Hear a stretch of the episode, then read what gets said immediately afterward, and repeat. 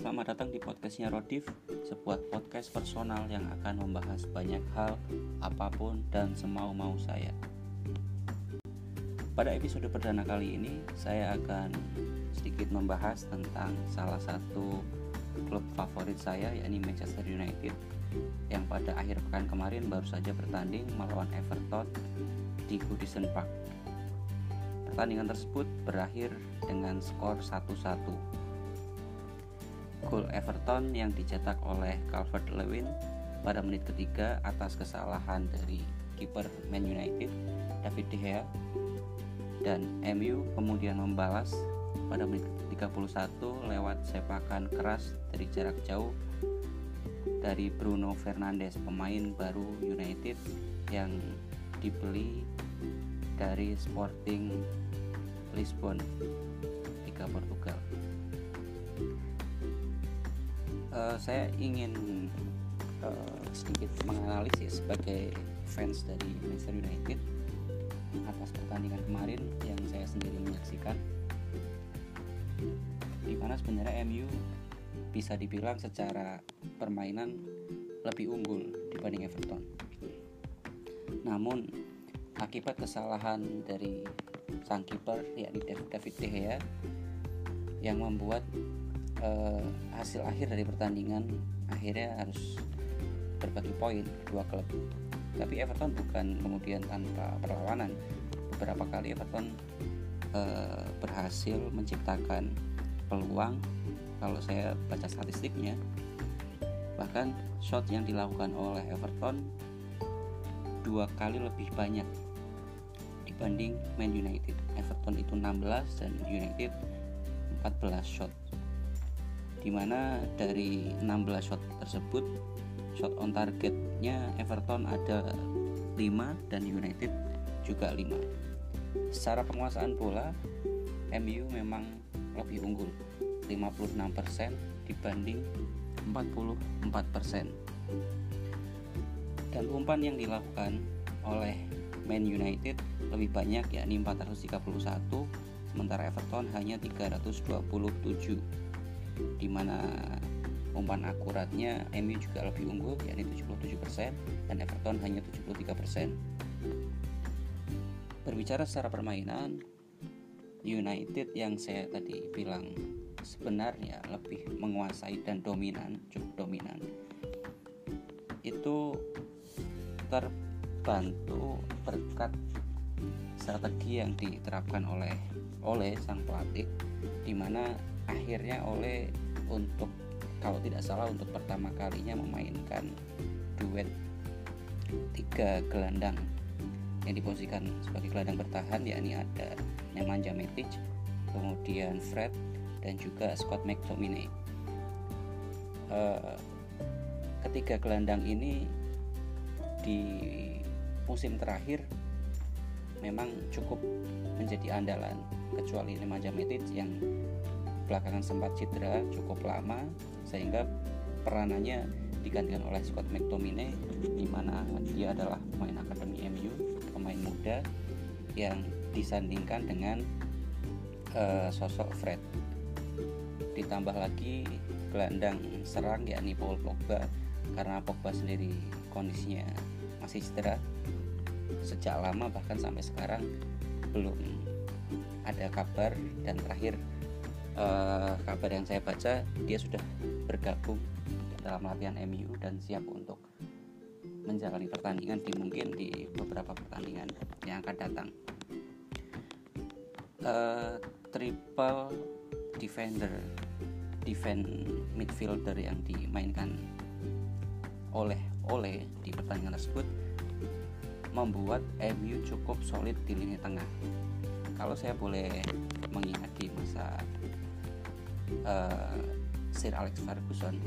MU itu memang cenderung terkenal dengan lini tengah atau second line-nya yang memang tangguh. Ketika jajaran strikernya tumpul lini tengah inilah atau second line inilah yang kemudian bisa berkontribusi um, mencetak gol atau membukakan peluang-peluang. Dan juga dibantu oleh dua pemain sayap kanan dan kiri yang identik sekali sejak dulu MU ini memang memiliki pemain sayap yang jempolan. Namun sejak beberapa musim terakhir eh, bahkan semenjak Cristiano Ronaldo hengkang dari Man United, MU cukup kehilangan sosok yang berperan secara signifikan di lini sayap juga setelah ditinggal Ryan Giggs sehingga sayap kanan maupun kiri MU itu cenderung kerap kali tumpul di mana crossing-crossing jarang yang akurat dan juga uh, dari pemain sayap ini juga tidak cukup banyak berkontribusi dalam memberikan peluang yang berbuah gol untuk MU. Nah, uh, tapi setelah era Ferguson pola permainan MU mengalami perubahan dan terakhir uh, di musim ini oleh sang pelatih uh, meskipun masih tetap memainkan sayap sebagai sosok yang berperan cukup penting dalam setiap permainan kalau di musim ini itu sering kali sayap kanannya Daniel James kemudian sayap kirinya Marcus Rashford atau Martial tapi tidak cukup uh, boleh dibilang peranannya tetap kalah uh, sentral dibanding lini tengahnya. Nah di pertandingan kemarin ketika Bruno Fernandes uh, apa lebih diberi kesempatan dia diposisikan sebagai attacking midfielder di bermain di belakang striker di mana kemarin itu uh, MU menurut banyak analisis taktik yang saya baca di medsos maupun dari berbagai macam sumber MU kemarin memainkan posisi uh, memainkan formasi 4-4-2 dengan 4 di lini tengah itu berbentuk diamond. 3 diposisikan sebagai gelandang bertahan dan satu adalah Bruno Fernandes diposisikan di belakang striker. Di depan ada Anthony Martial dan juga Mason Greenwood. Nah, peran dari Bruno Fernandes sebagai pemain baru MU ini memang kalau saya boleh bilang memang cukup signifikan. Dia menjadi pembeda dari setiap pertandingan yang sudah dia jalani dan terbukti terakhir saat melawan Everton dia bisa mencetak gol dari jarak jauh. Selain itu dari beberapa crossing yang dia berikan di untuk lini depan MU dan juga dari set piece set piece corner dan lain sebagainya Bruno memang akhirnya cukup menjadi andalan sekarang. Karena sebelum kedatangan Bruno kalau saya boleh bilang MU jarang.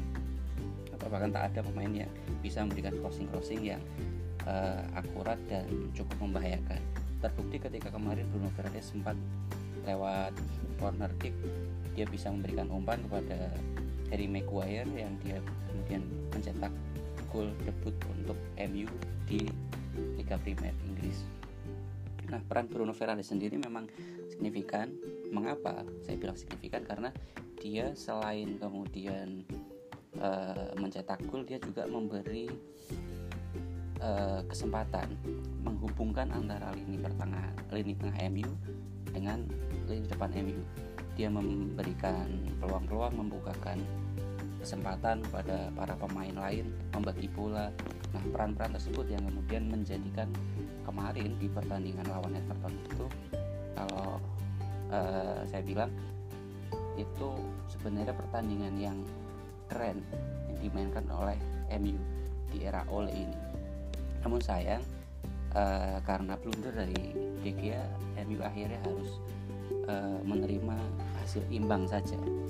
Kemudian berbicara uh, dari Everton sendiri yang sekarang dilatih oleh Carlo Ancelotti, sebenarnya Everton uh, kalau boleh saya bilang dari pertandingan kemarin beberapa momen dia cenderung menunggu karena MU beberapa kali memang bisa menembus lini tengah Everton, menguasai bola, membagi bola ke kanan maupun ke kiri sehingga Everton ketika mendapat bola langsung saja melakukan crossing-crossing ke depan di mana mereka punya pemain-pemain muda, sayap-sayap yang larinya cepat, kemudian juga cukup kreatif. Ada uh, Calvert Lewin kemudian Richard Listen uh, dan juga didukung pemain tengahnya juga pemain-pemain muda itu memberikan warna tersendiri dari permainan Everton. Beberapa kali juga De Gea akhirnya harus berjibaku untuk menghalau serangannya di lawan Everton. Bahkan di menit-menit akhir uh, DK sempat membuat penyelamatan yang gemilang. Dan sebelumnya juga uh, Pickford Jordan Pickford juga melakukan penyelamatan gemilang uh, di menit-menit akhir juga. Dan ada satu kontroversi kemarin di mana uh, wasit akhirnya menganulir gol dari Everton karena dianggap posisi salah satu pemain Everton. Kalau tidak salah Gylfi Sigurdsson yang dalam posisi offset uh, posisinya itu kenapa dibilang offset? Karena mengganggu pandangan dari De Gea. Itu kontroversi tapi kalau saya dengar uh, podcastnya Coach Justin Laksana dia secara jujur mengakui bahwa itu memang layak untuk dianulir karena Inggris ternyata punya peraturan tersendiri atas hal itu. Dan wasit sebagai pemegang kendali penuh atas pertandingan sudah memutuskan bahwa itu tidak dianggap sebagai gol. Jadi pertandingan pun harus berakhir imbang satu-satu untuk kedua klub. Namun MU eh, saya kira bisa memetik pelajaran penting di mana sekuat yang hari ini mereka miliki sebenarnya sudah cukup solid. Tinggal kayak kreativitas dari para pemain saja terutama di lini tengah yang harus makin dikenjot kalau memang mereka menginginkan untuk terus melaju untuk bisa masuk ke zona Liga Champions. Uh, karena MU sekarang uh, ada di posisi kelima selisih sedikit dengan Chelsea yang itu harus mereka terus kejar. Dan MU juga masih punya kesempatan untuk masuk ke Liga Champions di musim depan lewat jalur Europa League tapi itu sepertinya agak berat karena banyak klub-klub yang juga berpotensi untuk uh, meraih gelar juara Liga Eropa. Ada Inter kemudian ada Sevilla, AS Roma dan lain sebagainya. Artinya MU masih banyak uh, kesempatan untuk bisa lolos ke Liga Champions. Hanya saja mereka bisa atau tidak konsisten dalam mengarungi perjalanan liga yang masih kira-kira ada uh, 9 kalau nggak salah 9 atau ya 10 10 laga. Benar 10 laga dan juga di pertandingan European League. Nah, uh, dari perkembangan yang saya amati, oleh sebenarnya kalau banyak orang mengatakan oleh itu miskin taktik, saya kurang sepakat. Karena dari beberapa pertandingan oleh sebenarnya sudah mencoba uh, menekan, memunculkan daya, kreatif, daya kreativitasnya. Misalnya permainan dari sayap sudah pernah dia lakukan ketika ada Paul Pogba di lini tengah, dia juga sudah mencoba memerankan bagaimana lini tengah itu coba didominankan. Hanya saja memang mungkin karena beberapa pemain mengalami kontakan cedera gitu giliran uh, eh, MU akhirnya tidak konsisten terutama di lini belakang ya yang perlu saya soroti bahwa ternyata duet Harry Maguire dan Victor Lindelof ini masih sering melakukan blunder pada pertandingan kemarin lawan Everton saja beberapa kali mereka kecolongan untung saja David De Gea bisa menyelamatkan gawang MU agar tidak kebobolan Nah sebenarnya duet ini saya rasa kalau diproyeksikan untuk jangka panjang mereka membangun koneksi dan chemistry bisa menjadi duet yang luar biasa.